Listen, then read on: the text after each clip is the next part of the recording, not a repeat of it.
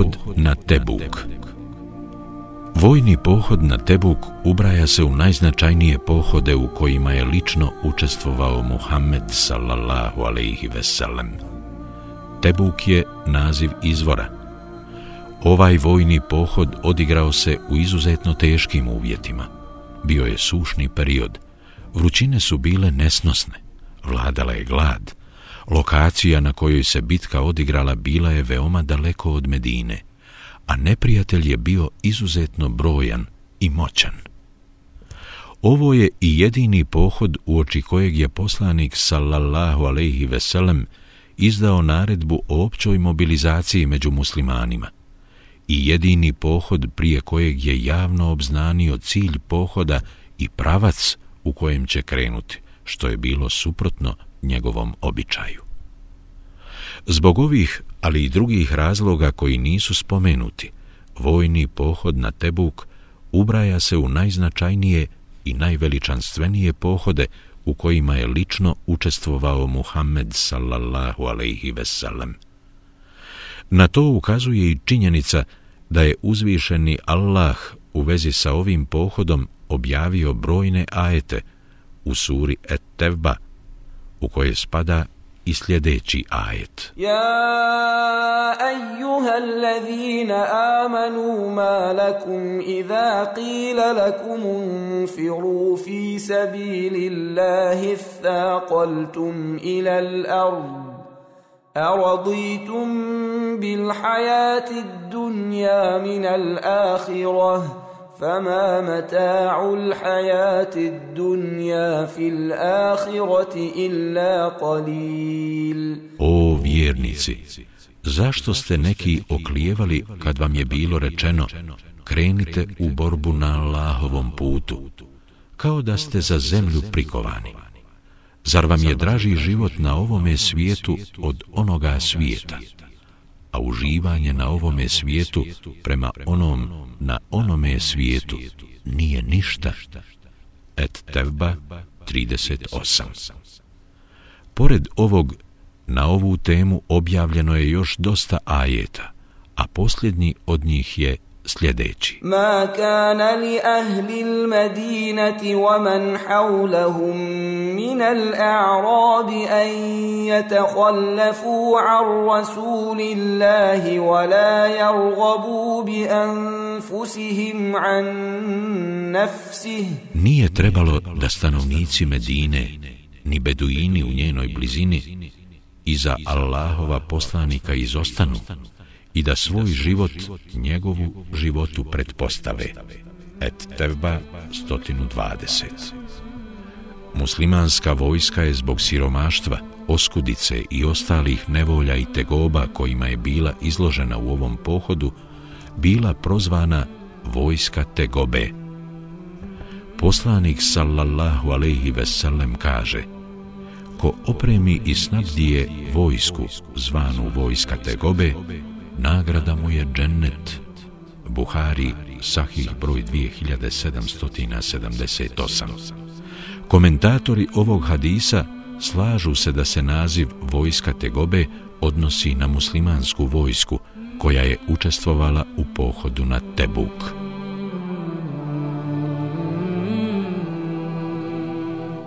Mm.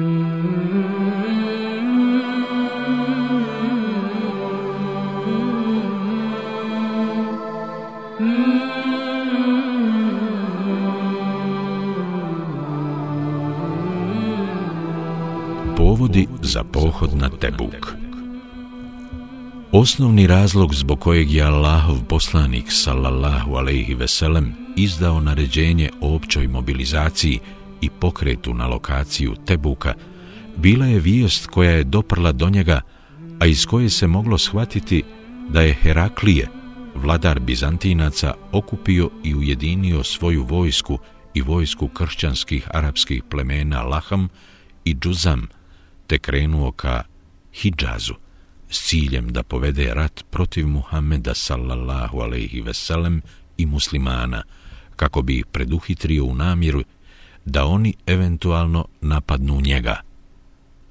Heraklije se na ovaj korak odlučio nakon gorčine koju su kušali poslije bitke na Muti, gdje su Bizantinci doveli vojsku koja je brojala dvije stotine hiljada boraca. Ipak, ni pored tolike brojnosti nisu bili u stanju poraziti muslimansku vojsku, koja je brojala tek tri hiljade vojnika. Naprotiv, možemo kazati, hvala uzvišenom Allahu, da su muslimani bili ti koji su iz bitke na Muti izašli kao pobjednici.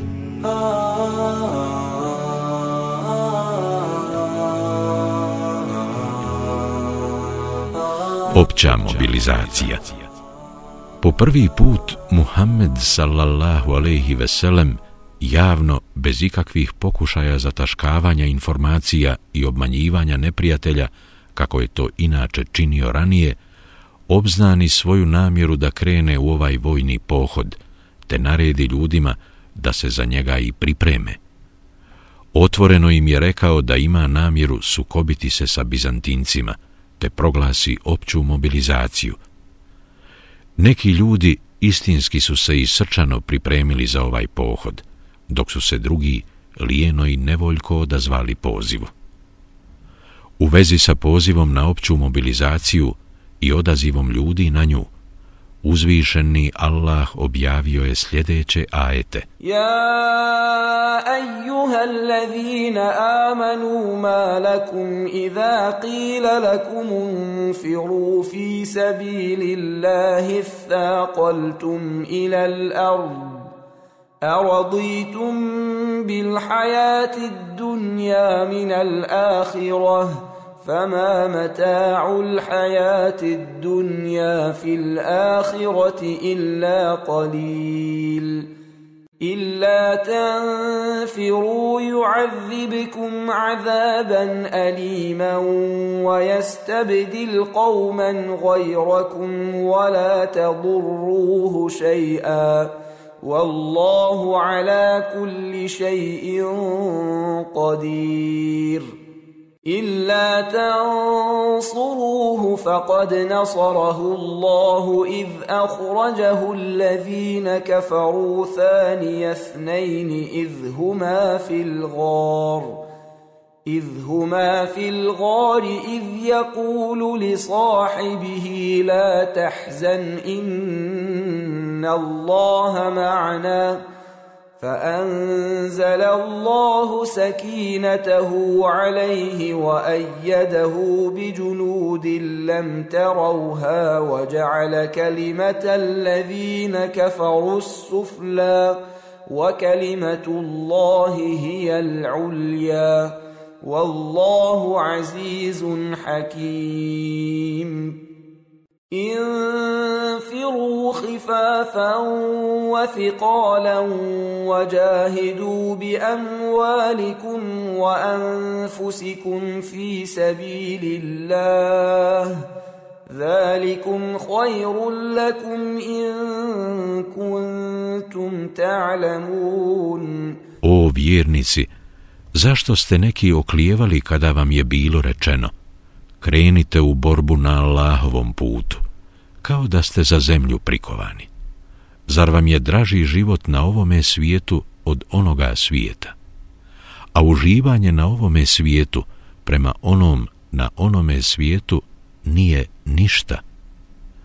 Ako ne budete u boj išli, on će vas na nesnosne muke staviti i drugim će vas narodom zamijeniti, a vi mu nećete nimalo nauditi a Allah sve može. Ako ga Muhameda sallallahu alaihi veselem vi ne pomognete, pa pomogao ga je Allah onda kad su ga oni koji ne vjeruju prisilili da ode, kada je s njim bio samo drug njegov, kada su njih dvojica bila u pećini i kada je on rekao drugu svome, ne brini se, Allah je s nama pa je Allah spustio smirenost na druga njegova, a njega pomogao vojskom koju vi niste vidjeli i učinio da riječ nevjernika bude donja, a Allahova riječ, ona je gornja. Allah je silan i mudar. Krećite u boj bili slabi ili snažni, i borite se na Allahovom putu, zalažući i metke svoje i živote svoje. To vam je da znate bolje. Et Tevba 38 do 41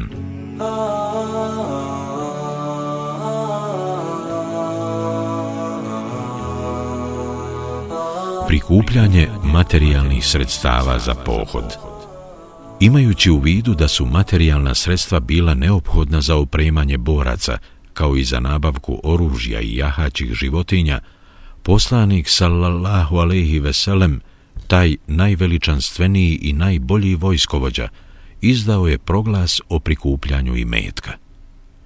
Dobri i iskreni vjernici požurili su da se uključe u ovu akciju, natječući se ko će udijeliti više – Tom prilikom Ebu Bekr radijallahu anhu udijeli sav imetak koji je imao. Omer bin Hatab pola svog imetka, a Osman bin Affan dade najveći prilog, nakon čega je poslanik sallallahu alaihi veselem proučio sljedeću dovu. Allahu moj, ti budi zadovoljan Osmanom, jer ja sam u istinu njime zadovoljan. Tako je Osman radijallahu anhu gotovo sam opremio vojsku Tegobe udjelivši tom prilikom hiljadu zlatnika i hiljadu kamila. Ovako su bogati i imućni ljudi Allahovom poslaniku sallallahu alaihi veselem donosili svoj imetak želeći time steći Allahovo zadovoljstvo i njegovu nagradu. Autor ovim želi istaći da je količinski Osman radijallahu anhu dao najviše imetka za ovaj pohod. No i brojni su drugi ashabi darovali mnogo imetka. Među njima svakako prednjači Ebu Bekr, koji je dao sve što je posjedovao, a radilo se u iznosu od 4000 dirhema. Omer bin Hatab i Abdurrahman bin Auf, radijallahu anhuma, dali su toga dana pola svoga imetka.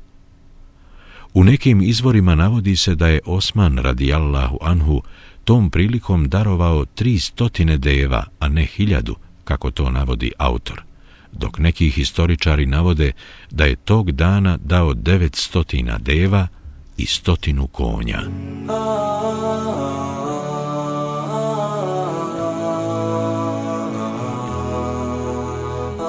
Lažno opravdanje Allahov poslanik sallallahu alejhi ve sellem čovjeku po imenu Džed bin Kajs, koji je bio iz klana Benu Selema, lično uputi poziv da se pridruži muslimanskoj vojsci i krene u borbu. Ovako je postupio zbog toga što je znao da Džed u sebi krije licemjerstvo i naginje ka munafikluku.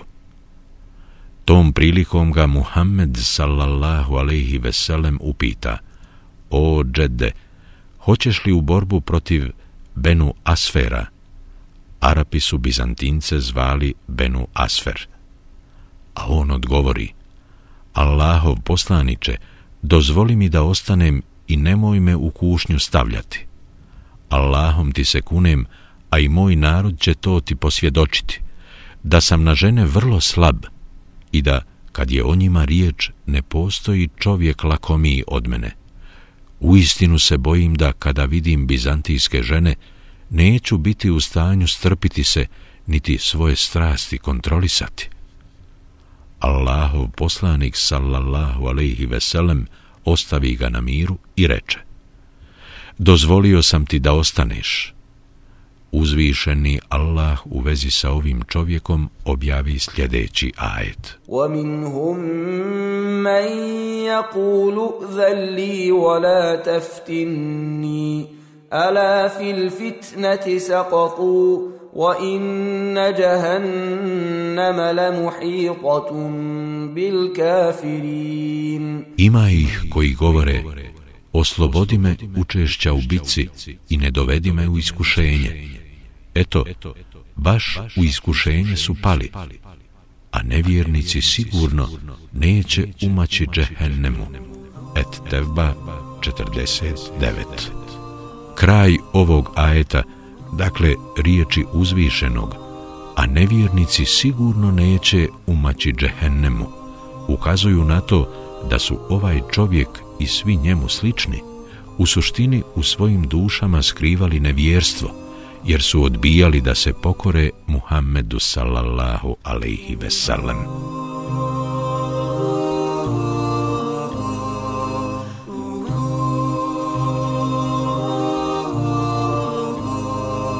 Opravdanje koje biva odbačeno Tih dana Muhammedu sallallahu alaihi veselem došla je i jedna skupina beduina iz klana Benu Gifar, koji su živjeli u okolini Medine, te su počeli iznositi razna opravdanja, tražeći od njega da ih oslobodi obaveze odlaska u ovaj vojni pohod. Ali on njihova opravdanja ne prihvati i ne dozvoli im izostanak. Što se tiče glavnih licemjera i munafičkih vođa, oni niti su tražili dozvolu da ne idu u ovaj pohod, niti su u njega otišli.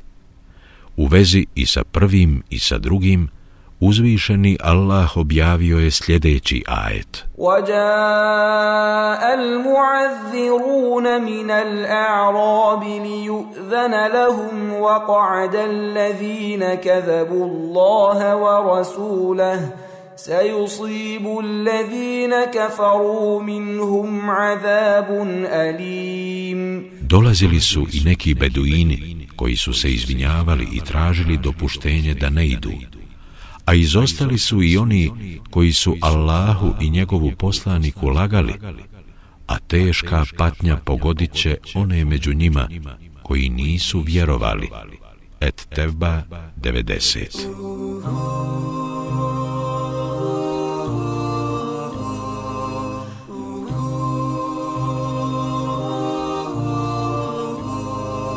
skupina kojoj je oprošteno. Jedna grupa muslimana nije se odazvala pozivu u ovaj vojni pohod, ali ne iz razloga što su prezirali Allahovog poslanika sallallahu alaihi veselem ili zbog eventualnog licemjerstva koje su prikrivali, već se radilo o trenucima slabosti njihovih duša i uzmicanju pred tegobama kojima je ovaj pohod bio popraćen. Dodatni razlog bila je činjenica da su se nalazili pred sami kraj ljetnog perioda, kada su plodovi zreli, a krošnje stabala prave gustu hladovinu.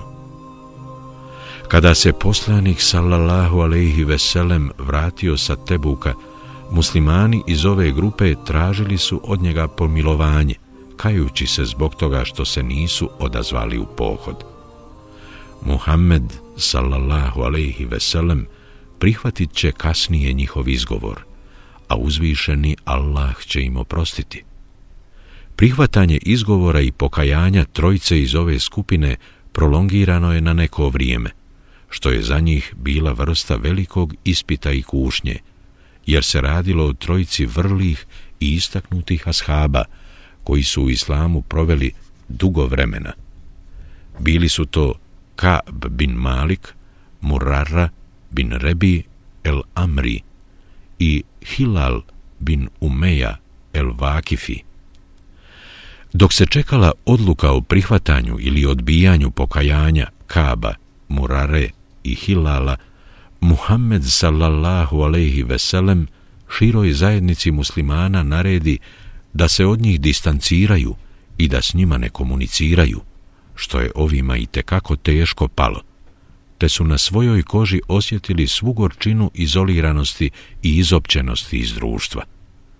U takvom stanju ostali su dugo, sve dok im zemlja, koliko god da je bila prostrana, nije tijesnom postala i dok veliko opterećenje u svojim dušama nisu osjetili i dok nisu shvatili da nema utočišta od Allaha, nego samo kod njega.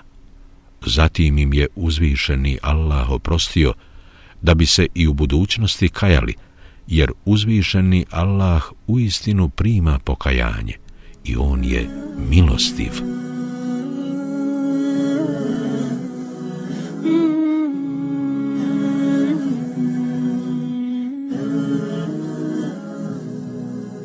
Iskreni i uplakani Uoči ovog vojnog pohoda, sedmerica iskrenih vjernika i osvjedočenih muslimana bila se u velikoj neimaštini i oskudici.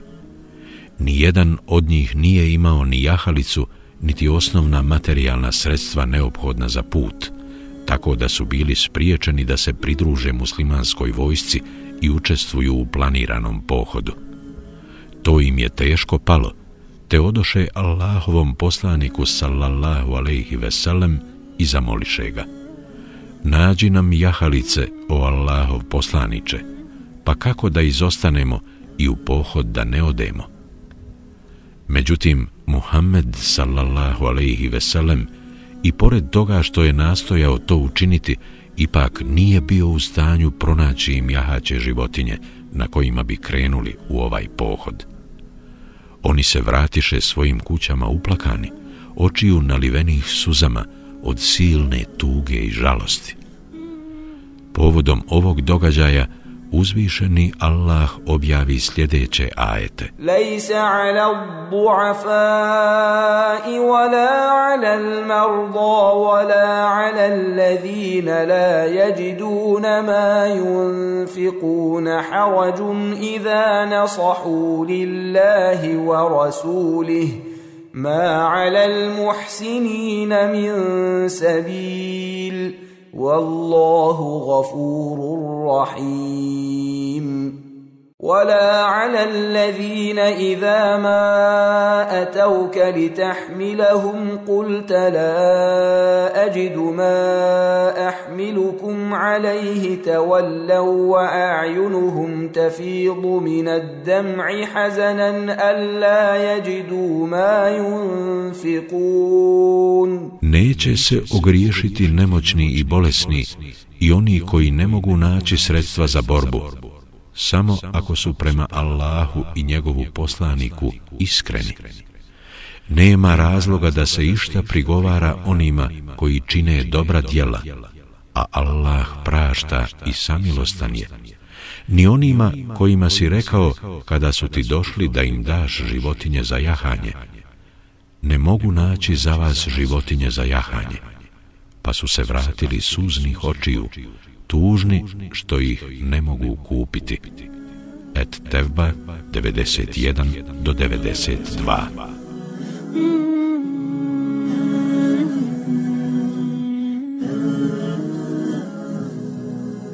Munafici odvraćaju od odlaska u pohod.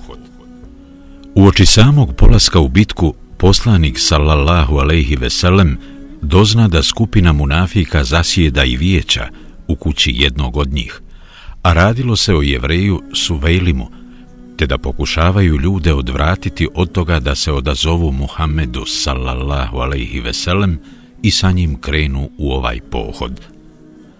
Munafici su ljudima govorili, ne krećite u boj po vrućini, želeći im uskratiti velike blagodati i vrijednosti koje donosi borba na Allahovom putu. A u isto vrijeme probuditi kod njih sumnju u ispravnost tog čina, nagovarajući ih tako da okrenu leđa Muhammedu sallallahu alaihi veselem i da ga iznevjere. S tim u vezi uzvišeni Allah objavi. وَقَالُوا لَا تَنْفِرُوا فِي الْحَرِّ قُلْ نَارُ جَهَنَّمَ أَشَدُّ حَرًّا لَوْ كَانُوا يَفْقَهُونَ I jedni drugima su govorili, ne krećete u boj po vrućini.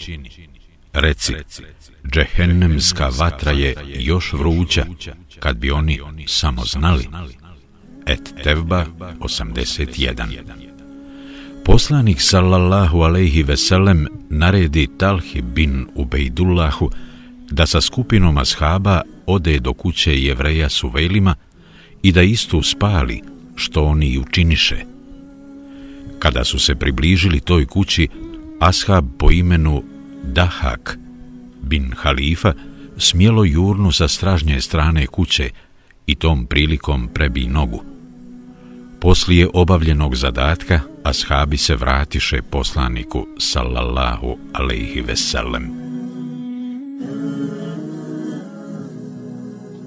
Polazak u pohod Prije nego što će krenuti ka Tebuku, Muhammed sallallahu alaihi veselem u Medini kao svoga zamjenika imenova Siba bin Urfutu, a i Ali bin Ebu Talibu naredi da ostane kako bi se starao o njegovoj porodici. Čuvši da Alija ne ide u ovaj pohod, već da ostaje u Medini, munafici počeše širiti laži i glasine o tome kako je poslanik sallallahu alaihi veselem Aliju radijallahu anhu oslobodio obaveze odlaska u ovaj pohod, zbog toga što mu je to bilo teško i mrsko. Kada su ove riječi munafika doprle do Alije radijallahu anhu, on se lati svoga oružja i odmah se pridruži Muhammedu sallallahu alaihi veselem, te mu ispriča šta sve govore munafici. Nakon što ga je saslušao, Muhammed sallallahu alaihi veselem reče Oni lažu, ja sam te u Medini ostavio zbog svoje porodice. Vrati se i bdi nad mojom i svojom porodicom. Zar nisi zadovoljan da kod mene zauzmeš mjesto kakvo je Harun zauzeo kod Musa, s tim što poslije mene više nema vjerovjesnika. Alija se nakon toga vratio, a poslanik sallallahu alejhi ve sellem nastavi svoj put u susret Bizantincima.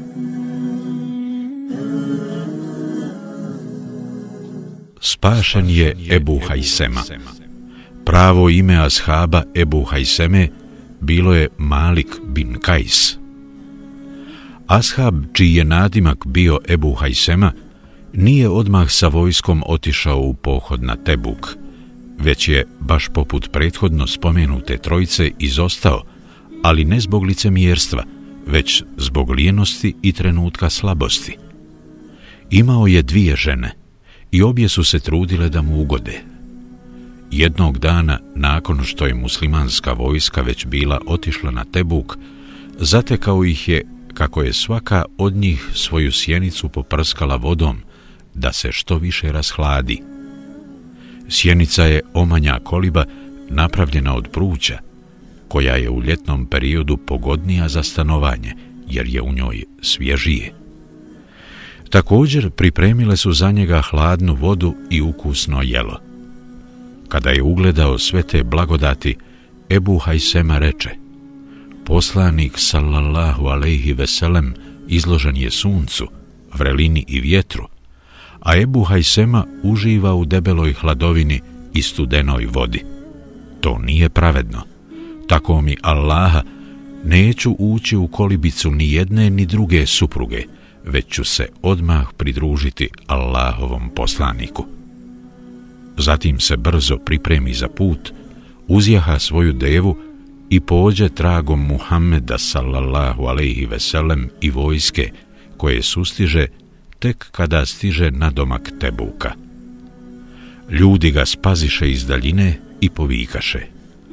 Allahov poslaniče, vidimo jednog jahača koji nam prilazi, a on im reče, neka to bude Ebu Hajsema. To jest, daj Bože da ovo bude Ebu Hajsema. Dakle, ovo je bila poslanikova sallallahu alaihi veselem dova. U istinu, ljudi potvrdiše da je to Ebu Hajsema. Prišao je poslaniku sallallahu alaihi veselem i ispričao mu svoj slučaj, nakon čega poslanik sallallahu alaihi veselem prouči dovu u kojoj je molio uzvišenog Allaha da Ebu Hajsemi podari svako dobro i uspjeh. Poslanik sallallahu alaihi veselem prvo mu je rekao, teško tebi, ali kada mu je Ebu Hajsema potanko ispričao šta se desilo, poslanik sallallahu alaihi veselem prouči za njega hajr dovu. Povodom spomenutog događaja Ebu Hajsema izrecitova i nekoliko stihova. Kako ljudi u vjeri munafiče kad sam vidio putem vjere časti, poštenja ja sam krenuo. Muhammedu sam desnicom prisegu ja dao. Nakon toga varat, griješit, zato nisam znao. Nagizdane žene u kolibi sam ostavio i palme rodne, čiji plod je skoro sazrio. Kad god bi mi munafik neki sumnju ubacio, dušu svoju odlučno bih ka vjeri potjerao.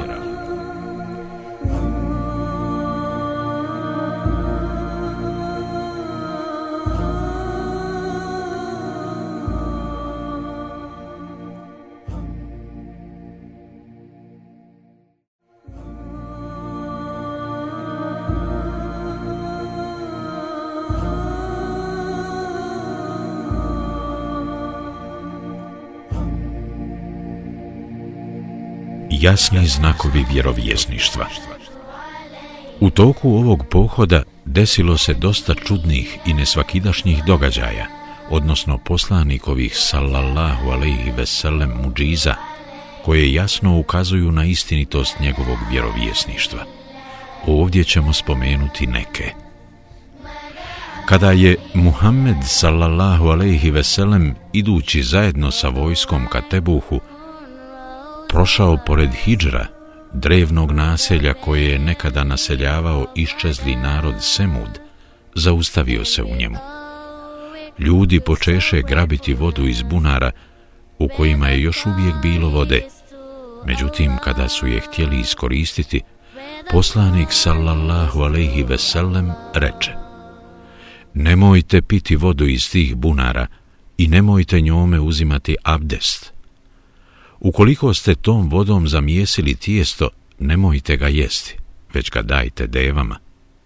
I neka niko od vas noću ne izlazi sam, već neka sa sobom povede prijatelja. Ljudi su poslušali Allahovog poslanika, sallallahu alaihi veselem, i postupili onako kako im je naredio, osim dvojice ljudi, pripadnika klana Benu Saida – Prvi je sam otišao da obavi prirodnu potrebu, pa ga je u putu zahvatilo gušenje. Drugi je također sam otišao da pronađe svoju odlutalu devu, kršeći tako, baš kao i prvi, poslanikovu sallallahu alaihi veselem naredbu, da niko te noći sam ne napušta logor, pa ga je zahvatio jak vjetar koji ga je odnio sve do brda na teritoriji plemena Taj. Na teritoriji plemena Taj nalaze se dva poznata brda, Selma i Edže. Kada su poslaniku sallallahu alaihi veselem ispričali šta se desilo sa ovom dvojicom, on reče Zar vam nisam zabranio da sami bez pratnje izlazite noću? Zatim je uzvišenom Allahu uputio dovu za onoga kojeg je zadesilo džinsko gušenje, pa je ozdravio. A što se tiče drugog kojeg je vjetar odnio, pripadnici plemena taj našli su ga i poklonili poslaniku sallallahu alaihi veselem nakon što se vratio u Medinu. Kada je Muhammed sallallahu alaihi veselem naišao pored nastambi naroda Semud, svojom je odjećom prekrio lice i potjerao devu da ide što brže, a zatim je svojim ashabima rekao Nemojte ulaziti u nastambe onih koji su sami sebi nasilje učinili, osim plačući iz straha da vas ne zadesi ono što je zadesilo i njih.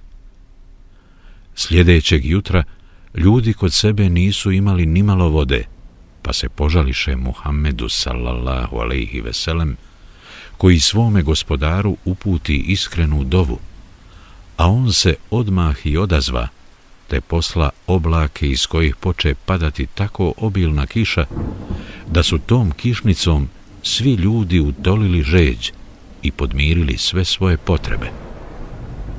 I ovo je bila jedna od poslanikovih sallallahu alejhi ve sellem muđiza i jasnih znakova poslanstva.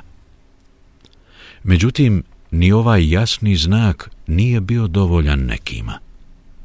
Kada su jednom čovjeku koji je bio poznat po svome licemjerstvu, ali je ipak krenuo u pohod sa muslimanima, rekli Teško tebi, zar nakon ovoga što si vidio još uvijek sumnjaš u istinitost Muhammedovog sallallahu alaihi veselem vjerovjesništva, a on im odgovori, bio je to samo oblak u prolazu.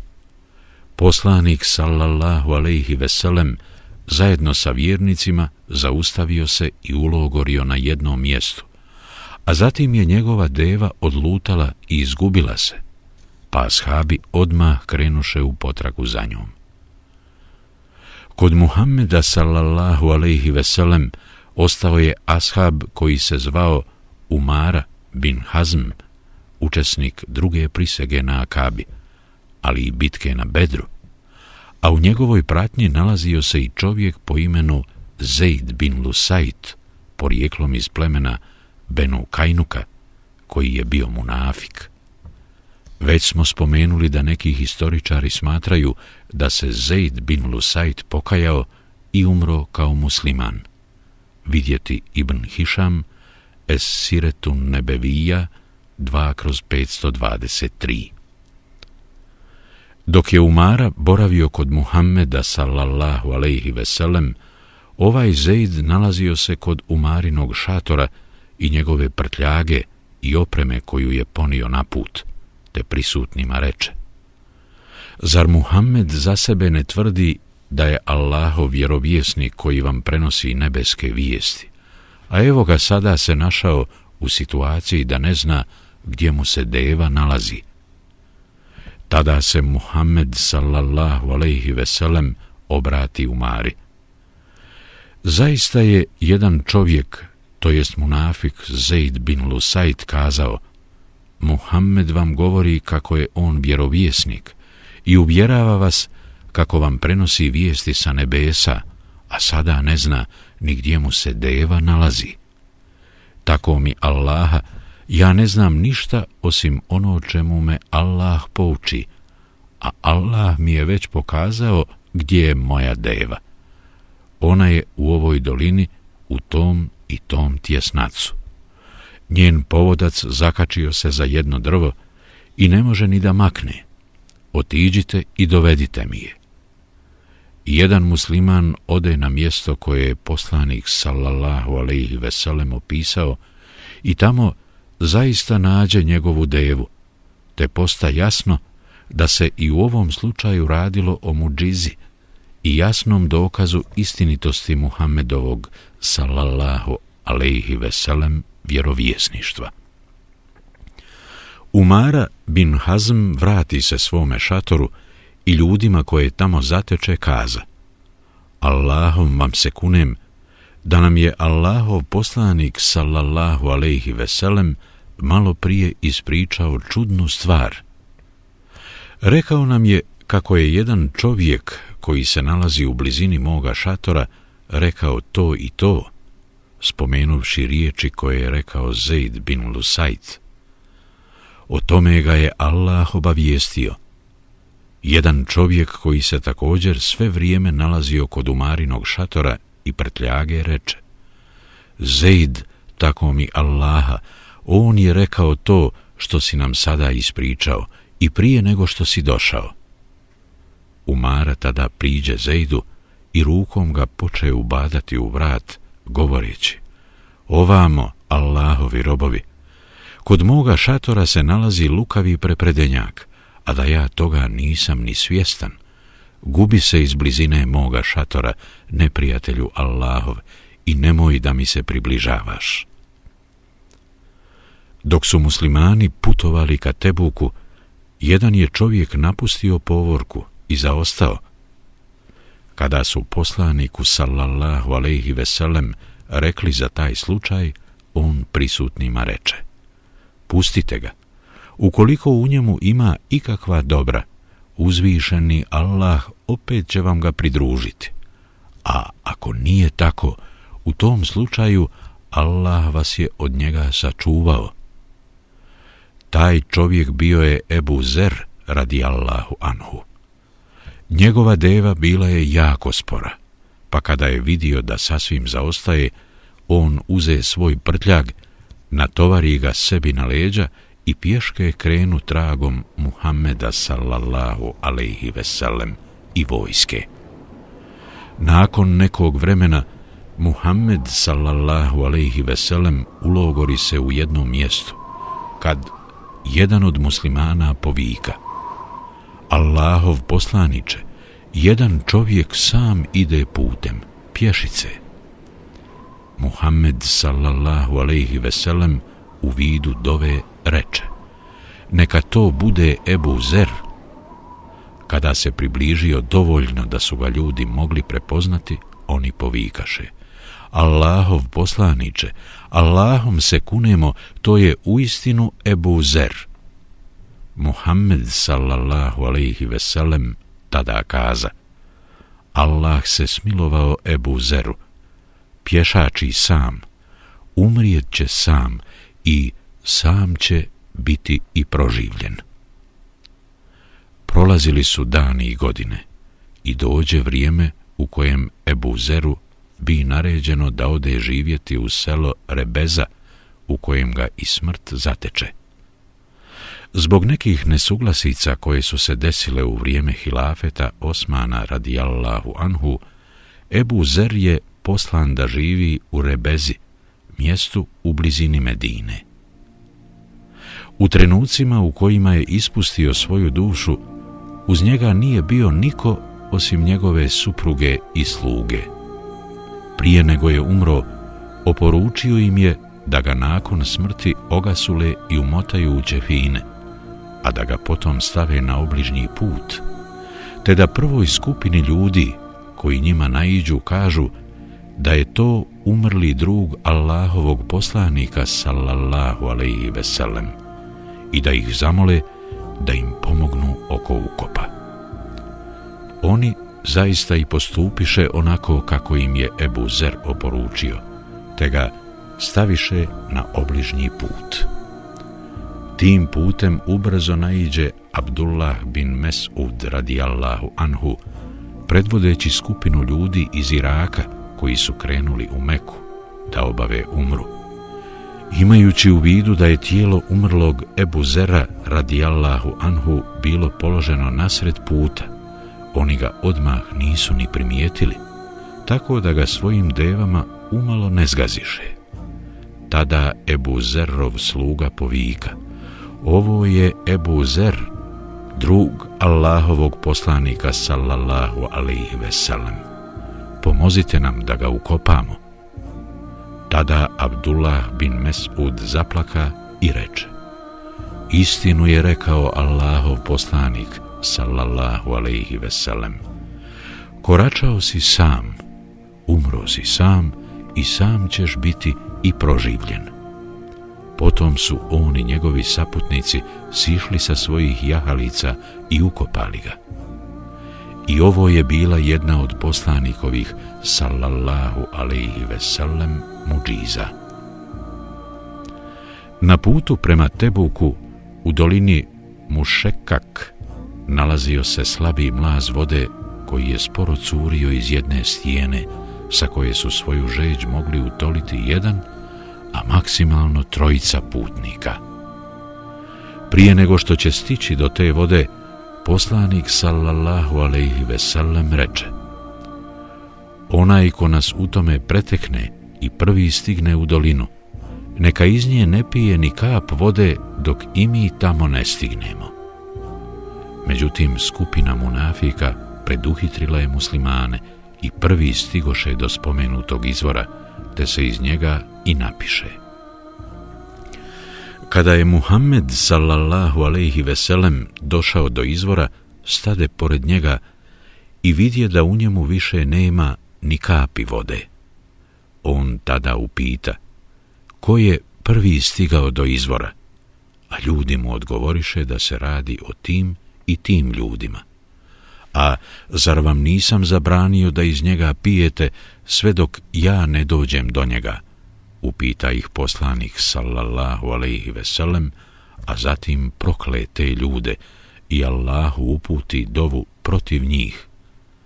Potom je sišao sa deve i svoju mubarek ruku stavio ispod mjesta sa kojeg je curila voda i u nju Allahovom voljom iscuri nešto vode. Tom vodom poprskao je stijenu iz koje je voda izvirela i svojim rukama prešao preko nje nakon čega je učio neke dove i zikrove onoliko koliko je to Allah htio. Ubrzo voda obilno poteče, a oni koji su tome prisustovali kažu da se začuo gromoglasan huk mlazova koji je ličio na grmljavinu. Ljudi se napiše vode i njome podmiriše sve svoje potrebe. Bila je to još jedna u nizu muđiza Muhammeda sallallahu alaihi veselem.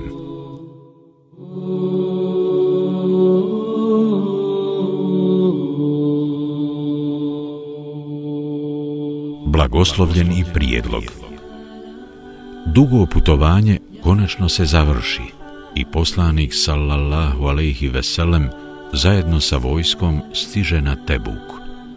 Tu su ostali dvadesetak noći, a poslanik sallallahu alaihi veselem sve vrijeme skraćivao je i spajao namaze.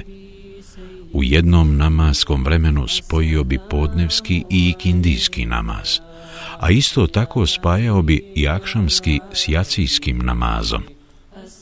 Tako je postupio kako bi olakšao svojim ashabima i kako im ne bi dodatno otežao i onako tegobnu situaciju. Nije znao koliko će dugo tu ostati, već je bio u pripravnosti, očekujući šta će mu narediti njegov uzvišeni gospodar. Da li će mu narediti da se još tu zadrži ili da krene dalje? Sazvao je i svoje ashabe da se sa njima posavjetuje oko toga da li je bolje da nastave put ka Šamu u dubinu teritorije kojom vladaju Bizantinci ili da postupi na neki drugi način. Omer radijallahu anhu reče, ako ti je od Allaha naređeno da kreneš dalje, kreni i napreduj, na šta poslanik sallallahu alaihi veselem odgovori, da mi je od Allaha naređeno kako da postupim, ja vas ne bih pitao za savjet. Tada mu Omer radijallahu anhu kaza, Allahov poslaniče, Bizantinaca je u istinu veoma mnogo i među njima uopće nema muslimana. Ti si im se približio i dobro ih uplašio, pa smatram da bi bilo dobro da se ove godine vratiš i vidiš kako će se situacija dalje odvijati, te da pričekaš dok ti Allah o tom pitanju nešto ne naredi.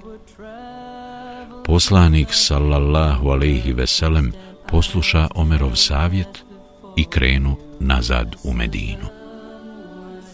I pored toga što su Bizantinci planirali povesti rat protiv Muhammeda sallallahu alaihi veselem i napasti ga u srcu njegove teritorije, ovaj put do sukoba nije došlo, jer je uzvišeni Allah svoga poslanika sallallahu alaihi veselem potpomogao strahom koji su njegovi neprijatelji osjećali na udaljenosti od mjesec dana hoda, zbog čega mu nisu izašli u susret, niti su mu se približili.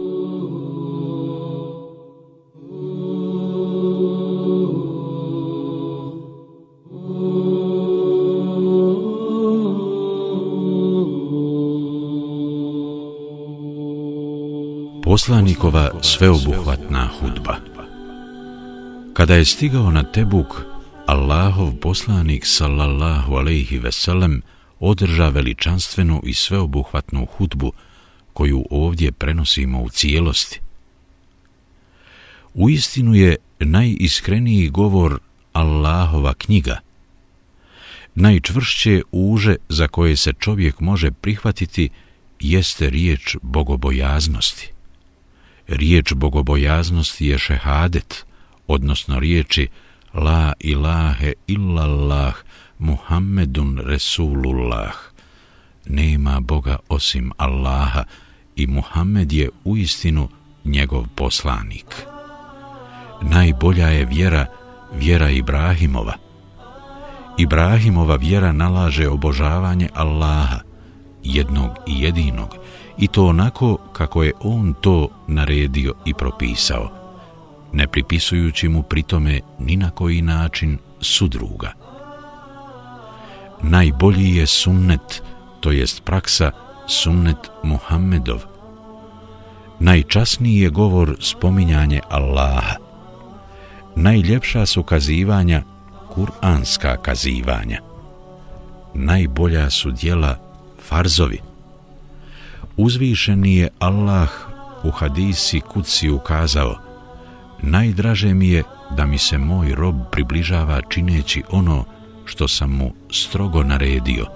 Buhari, sahih broj 6502. Najgore su stvari novotarije u vjeri. Novotarijama se smatraju sva ona dijela koja u islamu nemaju svoju osnovu niti utemeljenje. Najbolja je uputa, uputa vjerovjesnička.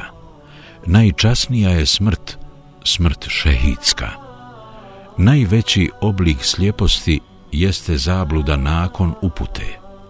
Najbolja su dijela ona koja su najkorisnija. Najbolji vid upute jeste slijediti ono što je propisano. Najgore je sljepilo, sljepilo srca, a ruka koja daje sadaku bolja je od ruke koja prima. Imati malo imetka koji je dostatan, bolje je nego imati ga mnogo ako on vodi u nemar. Najgore su isprike, isprike u času smrti, a najgore je kajanje, kajanje na sudnjem danu. Od isprika u času smrti i kajanja na sudnjem danu čovjek neće imati nikakve koristi. Ima ljudi koji na džuma namaz dolaze pred njen sami završetak, a ima i onih koji Allaha ne spominju osim nedolično. Najveće grijehe čini jezik koji laže. Najveće je bogatstvo bogatstvo duše, najbolja je obskrba bogobojaznost. Vrhunac je mudrosti strah od Allaha, a najbolje što se može ugnjezditi u srcu jednog čovjeka jeste jekin, čvrsto vjerovanje u Allaha, kao i bespogovorno nijekanje kufra, nevjerstva. Naricanje za umrlim džahilijetski je običaj – potkradanje ratnog plijena vodi u vrelinu džehennema, a pijanstvo je žig vatre njegove. Poezija je i blisovo dijelo. Misli se na razvratnu poeziju i onu koja odvraća od istine i promoviše zlo i nevjerstvo. Poslanik sallallahu alejhi ve sellem često je odobravao ashabima recitovanje lijepe i korisne poezije, u što smo se u ovoj knjizi imali priliku i uvjeriti na mnogim mjestima. Vino je majka svakog zla, a najgori je i metak, bespravno prisvojeni i metak jetimski. Sretan je onaj ko uzme pouku iz onoga što se desilo drugima, a nesretan je onaj kome je predodređeno da bude nesretnik dok je još boravio u majčinoj utrobi svako od vas putuje ka boravištu koje nije veće od četiri podlaktice, to jest prema kaburu, a potom će se na ahiretu sa njim desiti ono što će se desiti. Konac dijelo krasi. Dijela se vrednuju shodno čovjekovoj konačnici.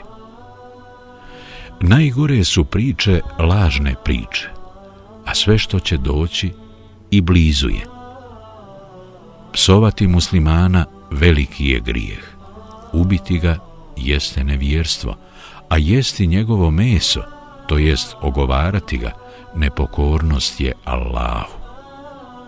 I metak vjernika nepovrediv je i zaštićen, kao što je zaštićena i nepovrediva i njegova krv.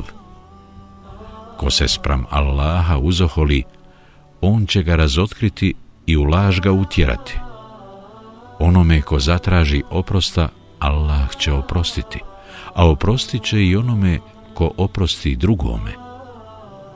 Onoga ko suzbije svoju srđbu, Allah će nagraditi, a onome ko se strpi u nevolji, Allah će pretrpljeno nadoknaditi. Onoga ko licemjerno bude činio dijela s namjerom da bude poznati čuven, Allah će razotkriti.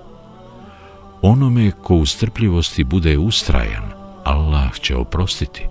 Ako Allahu bude griješio, takav će kažnjen biti.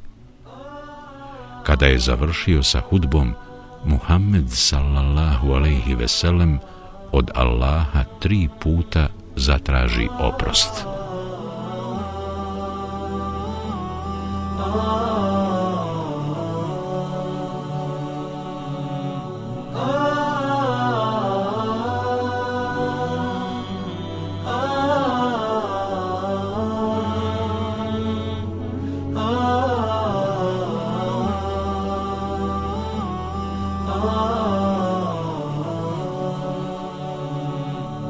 Nekoliko pozitivnih posljedica pohoda na Tebuk. Dok je boravio na Tebuku, Allahovom voljom poslanik sallallahu alaihi veselem načini nekoliko vrlo značajnih koraka koji su imali dugoročne pozitivne posljedice.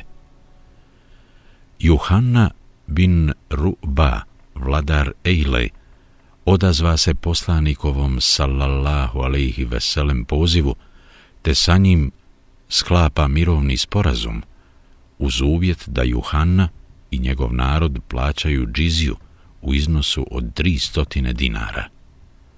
Juhanna je arapski oblik kršćanskog imena Ivan. Vjerovatno se pod nazivom Ejla misli na današnji grad Ejlat, koji je smješten između egipatskog sela Taba i jordanskog grada Akaba. Eilat se nalazi na sjeveru Akabskog zaljeva i ima izlaz na Crveno more. Navodno je ime dobio po drevnom gradu Elatu, koji spominje Biblija, a čiji se ostaci danas nalaze u modernom gradu Akaba. Taj sporazum popraćen je i pisanim dokumentom, čiji sadržaj prenosimo. U ime Allaha milostivog samilosnog.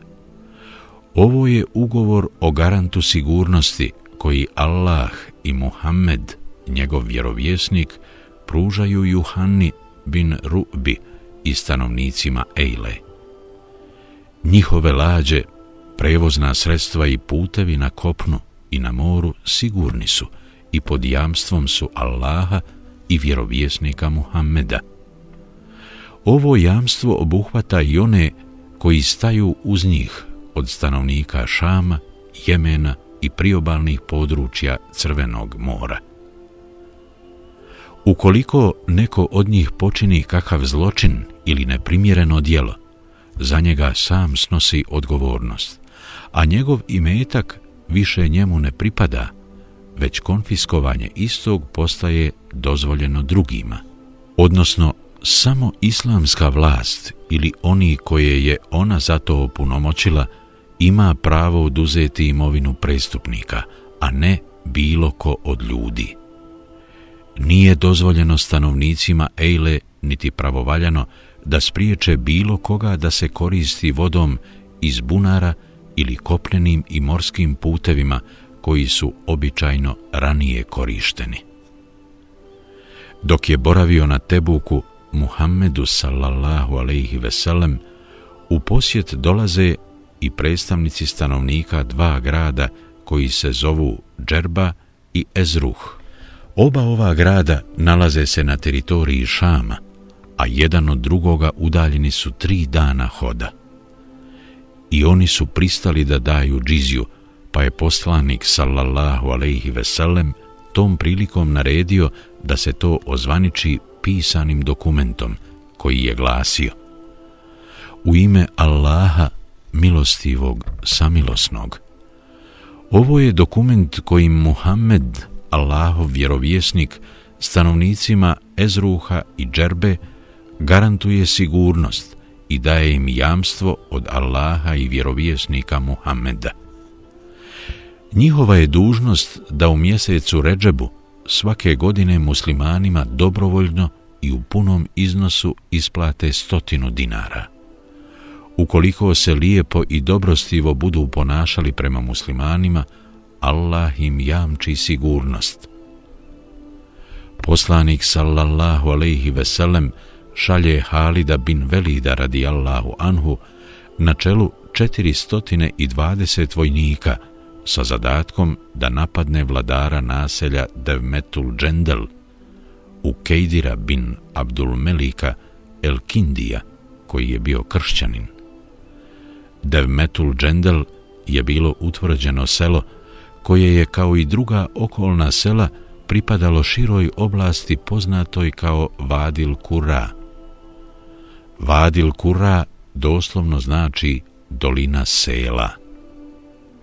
Utvrđenje u kojem se nalazilo selo Devmetul Džendel zvalo se Marid, a to je bila lična utvrda vladara u Kejdira. Prije nego što će krenuti na ovaj zadatak, Halid bin Velid upita Muhameda sallallahu alaihi veselem kako ću ga napasti kada on živi u srcu teritorije plemena Kelb i Enmar, a ja uz sebe imam samo malo boraca. Zateći ćeš ga u lovu na divljač, ili je rekao u lovu na divlja goveda, reče mu Muhammed sallallahu alaihi veselem, pa ga uhvati. Halid i njegovi borci krenuše na zadatak i kada su se te noći koja je bila obasjana mjesečinom približili u Kejdirovoj tvrđavi, spaziše u Kejdira i njegovu suprugu na krovnoj terasi utvrde. Jedno divlje govedo priđe utvrdi i poče svojim rogovima trljati o njena vrata, a u Kejdirova supruga proviri iznad vrata utvrde i reče Ništa slično nikada nisam vidjela. Ko bi propustio ovu priliku? To jest, ko bi propustio ovako zgodnu priliku da ulovi ovu vrijednu divljač? Niko, reče u Kejdir, i odmah siđe sa terase i naredi da mu osedlaju konja. Utvrdu je napustio sa nekolicinom svojih ukućana, među kojima je bio i njegov brat Hasan, ponijevši sa sobom svoja kratka lovačka koplja.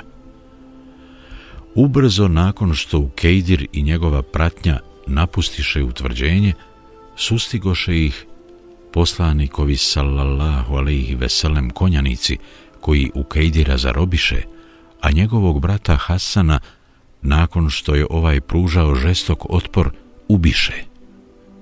Što se tiče ostalih članova u Kejdirove družine, oni su uspjeli pobjeći i utočište pronaći unutar utvrđenja.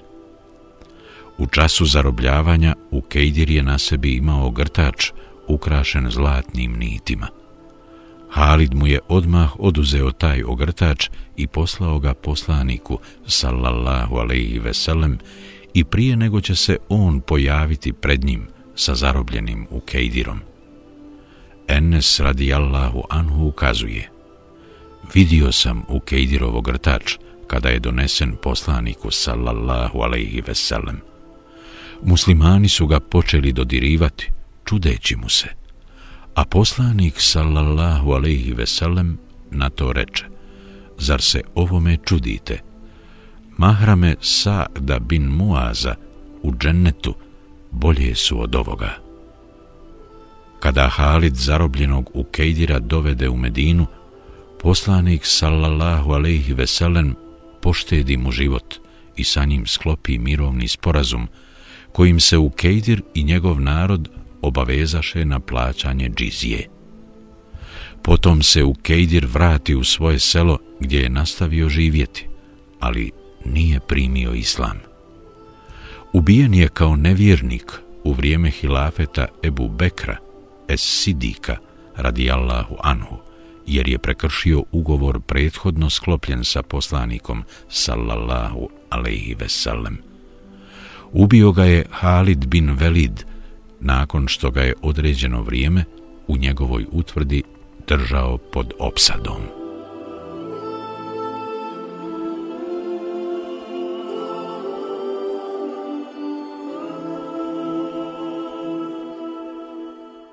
Zavjera licemjera Mnogo se značajnih događaja desilo za vrijeme poslanikovog sallallahu alaihi veselem odlaska na Tebuk, kao i pri njegovom povratku iz ovog vojnog pohoda. Neke od tih događaja već smo spomenuli, kako bismo iz njih uzeli pouku i poučili se onom što će nam koristiti. Ipak, vrlo je bitno spomenuti još jedan događaj koji se desio u toku poslanikovog sallallahu alaihi veselem povratka iz ovog pohoda. Riječ je o krajnje niskom i prezrenom postupku licemjera i zavjeri koju su skovali. U ovoj zavjeri učestvovalo je 12 munafika koje zajednički možemo opisati kao otpad ljudskog roda. Njih dvanaesterica skovali su plan čiji je krajnji cilj bio ubijstvo poslanika sallallahu alaihi veselem. Namjeravali su u toku povratka sa Tebuka, kada stignu u blizinu Akabe, poslanika sallallahu alaihi veselem polahko stjerati u kraj puta, kako bi pao sa deve i tako poginuo. Kada je poslanik sallallahu alaihi veselem stigao na domak Akabe, Huzeifa bin Jeman radijallahu anhu vodio je njegovu devu držeći je za povodac, a Ammar bin Jasir ju je polagahno tjerao da kaska.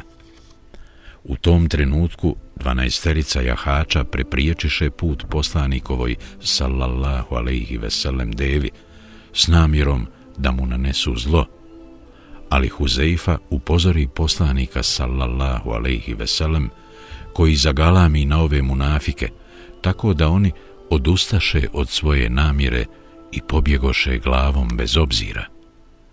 Na njih se odnose riječi uzvišenog.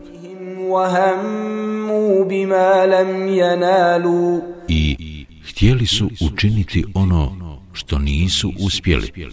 Et Tevba 74 Poslanik sallallahu alaihi veselem prouči protiv njih dovu, pa ih ubrzo zadesi strašna smrtonosna bolest, poznata kao dubejla.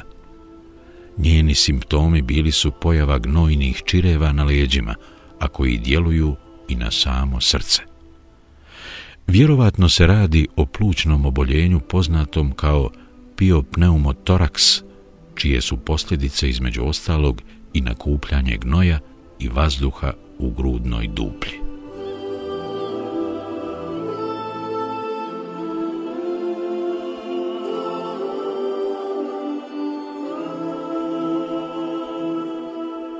Kamo sreće da sam ja u toj jami skončao.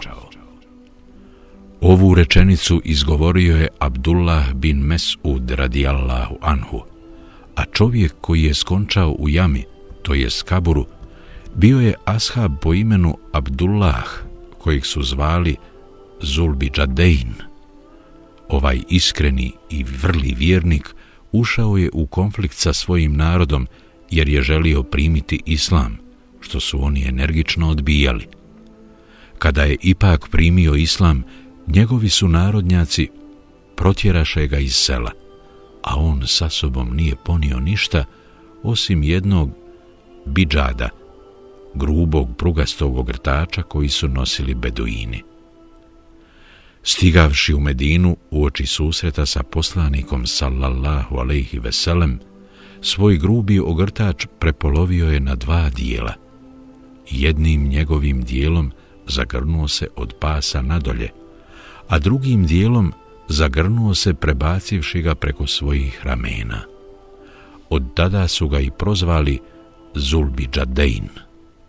Doslovan prijevod riječi Zulbi Džadein je zaogrnut sa dva komada platna. Abdullah bin Mesud radijallahu anhu pripovijeda.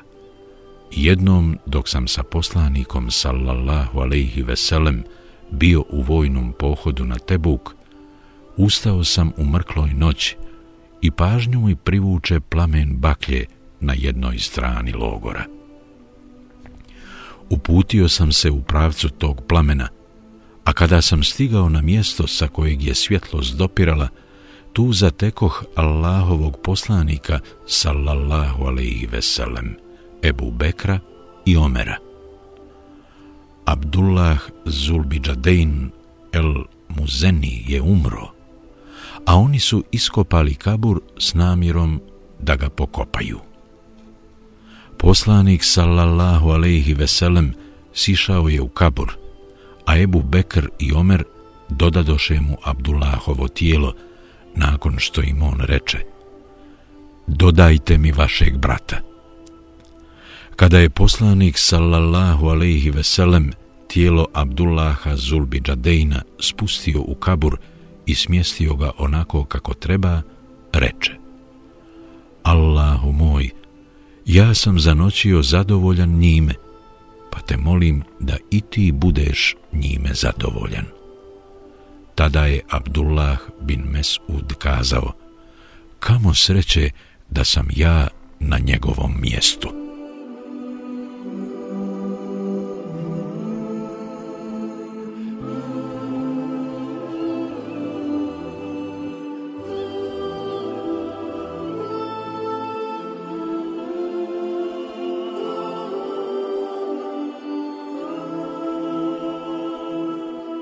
Džamija razdora Džamija razdora naziv je za okupljalište izgrađeno u Medini u kojem su se plele spletke protiv Muhammeda sallallahu alaihi veselem i muslimana.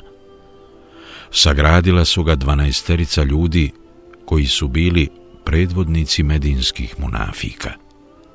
Kada su sagradili ovu građevinu koju su oni zvali džamijom, Ovi ljudi posjetili su poslanika sallallahu alejhi veselem baš u vrijeme kada se spremao da krene na Tebuk. Tražili su od njega da posjeti njihovu džamiju i da im klanja u njoj, kako bi joj na taj način dali šerijatski legitimitet, a sve su to činili podmuklo i iz najgorih namjera. Bili su pravi lašci. Poslanik sallallahu alejhi ve sellem učtivo im odgovori da ne može doći i tom prilikom reče: Ja se spremam na put i imam mnogo obaveza. Kada se uz Allahovu dozvolu vratimo sa puta, mi ćemo vas posjetiti u toj džamiji i klanjat ćemo u njoj. Ili je rekao nešto tome slično. Poslanik sallallahu alejhi ve sellem krenu sa shabima na Tebuk, a kada se vratio iz pohoda i stigao u mjesto Zu Evan, koje se nalazi na otprilike sat vremena udaljenosti od Medine, i u njemu se ulogorio, uzvišeni Allah objavi mu ajete koji se tiču džamije razdora, a koji glase – والذين اتخذوا مسجدا ضرارا وكفرا وتفريقا بين المؤمنين وإرصادا لمن حارب الله ورسوله من قبل وليحلفن إن أردنا إلا الحسنى والله يشهد إنهم لكاذبون لا تقم فيه أبدا لمسجد أسس على التقوى من أول يوم أحق أن تقوم فيه فيه رجال يحبون أن يتطهروا والله يحب المطهرين A oni koji su džamiju sagradili da bi štetu nanijeli i nevjerovanje osnažili i razdor među vjernike unijeli pripremajući je za onoga koji se protiv Allaha i njegova poslanika još prije borio sigurno će se zaklinjati.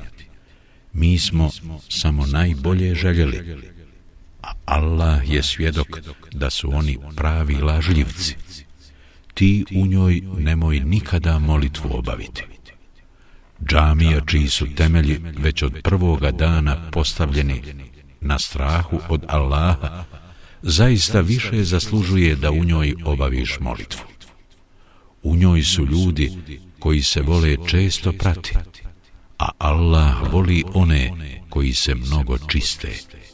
Et Tevba 107 do 108 Poslanik sallallahu alejhi ve sellem odmah pozva dvojicu ashaba i to Malika bin Duhšuma saveznika klana Benu Salim bin Auf, i Ma'na bin Adija, saveznika klana Benu Adžlan, te im reče, otiđite do te džamije koju pohode nasilnici i srušite je i zapalite. Tako je i bilo. Njih dvojica odoše do ove džamije, te je srušiše i spališe. A oni koji su se u njoj okupljali, raziđoše se, ostavivši je da izgori do temelja.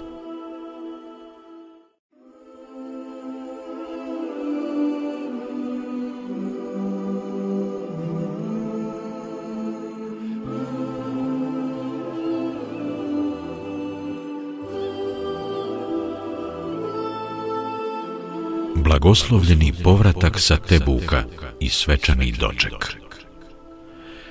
Kada se poslanik sallallahu alejhi ve sellem prilikom povratka sa Tebuka približio Medini, njeni stanovnici izađoše mu u susret da ga dočekaju, a djevojčice su pjevale. Puni mjesec nas obasja od senijetul veda, zahvalni bit moramo, sve dok iko Allaha doziva. Tada je poslanik sallallahu alaihi sellem rekao U istinu, u Medini ima ljudi koji su, kada god biste vi nekim putem krenuli ili kada biste god neku dolinu prevalili, sve to vrijeme bili s vama. Zadržao ih je neki opravdan razlog. Prisutni upitaše, a oni su sve vrijeme bili u Medini, Allahov poslaniče. Da, oni su sve vrijeme bili u Medini, odgovori on. Buhari, Sahih broj 4423.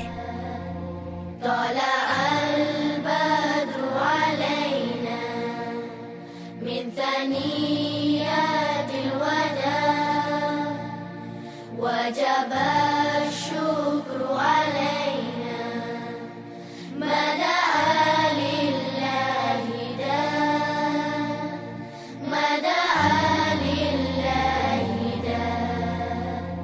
skupina koja je izostala.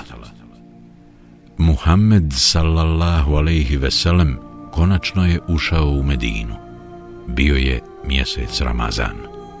Zastave pobjede bile su istaknute, a vjernici i vjernice radovali su se što se Muhammed sallallahu alejhi ve sellem iz ovog pohoda vratio živ i zdrav i kao pobjednik ušao je u džamiju i u njoj klanjao dva rekata namaza. Munafici koji nisu otišli u ovaj pohod počeli su dolaziti i jedan za drugim prilaziti poslaniku sallallahu alaihi veselem, tražeći da im oprosti što su izostali. Zaklinjali su se i nudili mu svoja opravdanja, a on je prvobitno ta njihova navodna opravdanja i prihvatio, te im i oprostio, Međutim, uzvišeni Allah odbi da primi njihova lažna opravdanja, nakon čega tako postupi i Muhammed sallallahu alaihi veselem. Oni u suštini opravdanja nisu ni imali, već je istinski razlog njihovog izostanka bilo licemjerstvo koje su krili u sebi, kao i ružne misli o islamu i muslimanima. S tim u vezi uzvišeni Allah objavio je Jahlifuna lakum li tardau anhum fa in tardau anhum fa inna Allaha la yarda anil qawmil fasiqin Kad se među njih vratite, oni će vam se pravdati. Reci, ne pravdajte se, jer mi vama ne vjerujemo, zato što nas je Allah o vama obavijestio et Tevba 94. Oni vam se zaklinju zato da biste bili zadovoljni njima. Ako vi budete zadovoljni njima, Allah sigurno nije zadovoljan narodom nevjerničkim. Et Tevba 96. Ovako je bilo u pogledu munafika – Međutim, postojala su i trojica muslimana koji sa poslanikom sallallahu alaihi veselem nisu otišli u ovaj pohod. Sva trojica bili su iskreni vjernici i iz ovog pohoda nisu izostali zato što su bili licemjeri ili što su u sebi krili sumnje i nedoumice u ispravnost i istinitost Islama. Već se kod njih jednostavno radilo o lijenosti ili trenutku slabosti. Kako smo ranije spomenuli, bili su to Ka'b bin Malik, Murara bin Rebi i Hilal bin Umeja radijallahu anhum.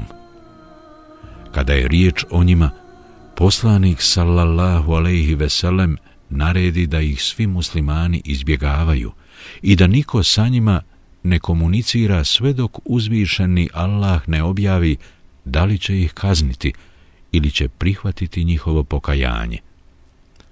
U istinu, uzvišeni Allah u vezi s njima objavi. وَآخَرُونَ مُرْجَوْنَ لِأَمْرِ اللَّهِ إِمَّا يُعَذِّبُهُمْ وَإِمَّا يَتُوبُ عَلَيْهِمْ وَاللَّهُ عَلِيمٌ حَكِيمٌ Ima i drugih koji su u neizvjesnosti da li će ih Allah kazniti ili će im oprostiti, a Allah sve zna i mudar je.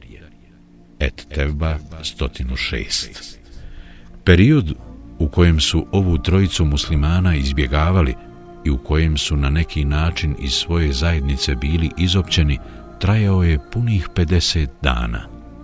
A potom je uzvišeni Allah objavio ajete kojima potvrđuje da je primio njihovo pokajanje. Laqad taba Allahu 'alan nabiyyi wal muhajirin wal ansar alladhina ittaba'uhu fi sa'ati al-'usrati min ba'd من بعد ما كاد يزيغ قلوب فريق منهم ثم تاب عليهم إنه بهم رؤوف رحيم. وعلى الثلاثة الذين خلفوا حتى إذا ضاقت عليهم الأرض بما رحبت وضاقت عليهم أنفسهم وظنوا أن لا ملجأ من الله إلا إليه ثم تاب عليهم ليتوبوا Inna Allaha huwa at-tawwabur rahim. Allah je oprostio vjerovjesniku i muhađirima i ensarijama koji su ga u teškom času slijedili. U vrijeme kada se srca nekih od njih zamalo nisu pokolebala. On je poslije i njima oprostio, jer je on prema njima blag i milostiv a i onoj trojci koja su bila izostala i to tek onda kada im je zemlja koliko god da je bila prostrana postala tijesna. I kada im se bilo stisnulo u dušama njihovim i kada su uvidjeli da nema utočišta od Allaha nego samo u njega on je poslije i njima oprostio da bi se i u buduće kajali. Jer Allah u istinu prima pokajanje i milostiv je. Et Tevba 117 do 118